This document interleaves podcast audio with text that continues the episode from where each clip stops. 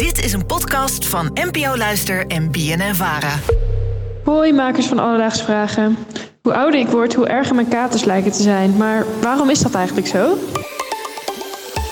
Alledaagse Vragen. NPO Luister. Julia, dankjewel voor je vraag. David, herken je dat worden die katers bij jou ook erger naarmate je ouder wordt?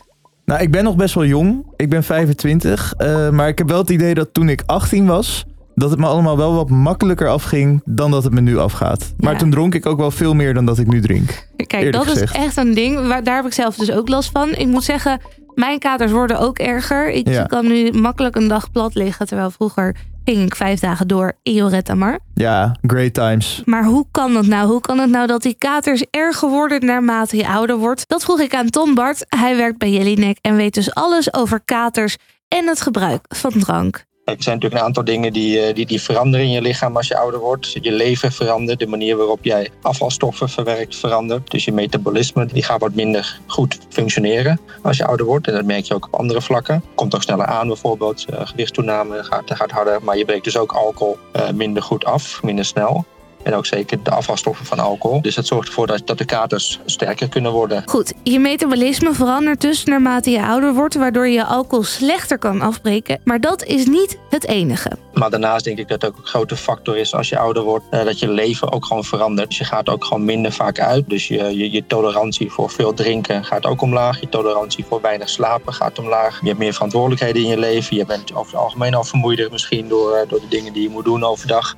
Eh, waardoor je ook weer minder weerbaar bent tegen de negatieve effecten van alcohol.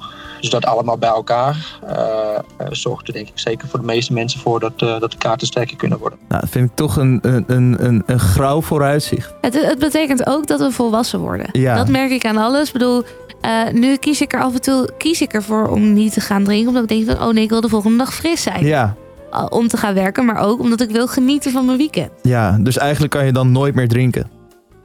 Nee, Maar dat doe jij ook weer niet, geloof ik. dat klopt. Dat is waar. Ik wil graag ook nog even in de materie duiken. De materie van de kater. Want hoe ontstaat een kater nou eigenlijk? De meest, meest bekende is natuurlijk dat je, dat je vochttekort opbouwt eh, als je alcohol drinkt. Want als je alcohol drinkt, dan eh, eh, wordt het, het hormoon in je lichaam, wat normaal gesproken je vochtbalans in de gaten houdt, wordt, eh, wordt aangetast. En dat zorgt ervoor dat je dus meer vocht uitscheidt dan dat je binnenkrijgt. Dus je plast eh, ongeveer anderhalf glas vocht plas je uit eh, per glas alcohol. Eh, dat zorgt voor dehydratatie en dat zorgt ervoor eh, dat, je, dat je ook hoofdpijn kan krijgen. Want de vochtbalans in je hersenen neemt ook af, waardoor je hersenvlies ook een soort van uitgedroogd raakt. En, en je dus ja, daardoor hoofdpijn kan krijgen. Goed, het gaat hier dus om een vochttekort. Maar daarnaast ligt het ook aan de afbraakstoffen van alcohol. Iets minder bekend aspect is dat, dat alcohol op zichzelf is een schadelijke stof, maar de afbraakstof, dus als je in, in je lichaam het wordt afgebroken van alcohol, dat is acetaldehyde. En dat is eigenlijk nog een schadelijkere stof dan alcohol zelf.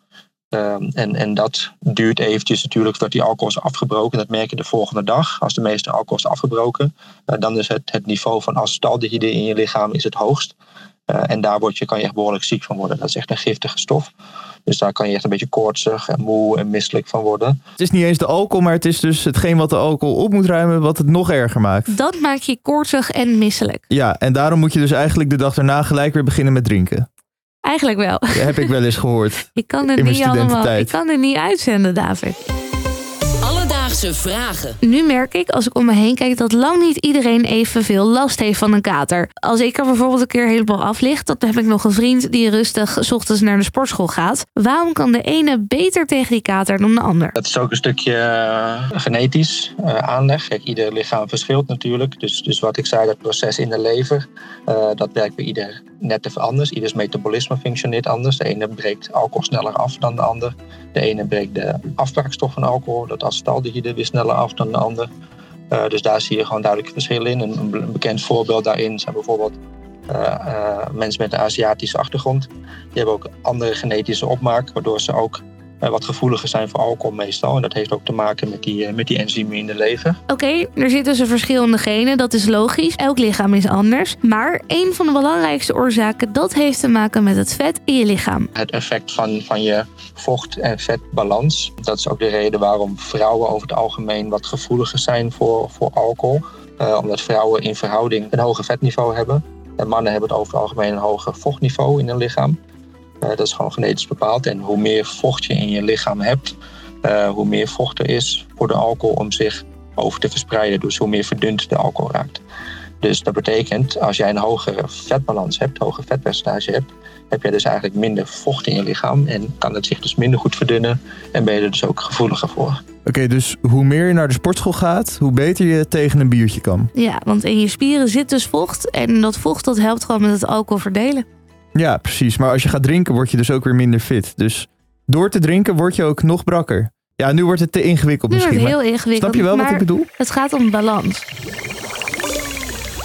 Dus Julia, waarom worden katers erger als je ouder wordt? Dat heeft onder andere te maken met je metabolisme, die op oudere leeftijd slechter gaat werken, waardoor je je alcohol slechter kan afbreken. Daarnaast heeft het ook te maken met gewenning. Veel mensen drinken minder naarmate ze ouder worden, waardoor de kater uiteindelijk harder aankomt. Hoe erg je een kater ervaart, dat ligt onder andere aan je genen, maar ook aan je vocht-vetbalans. Hoe meer vocht je hebt, hoe beter je de alcohol kan verspreiden over je lichaam.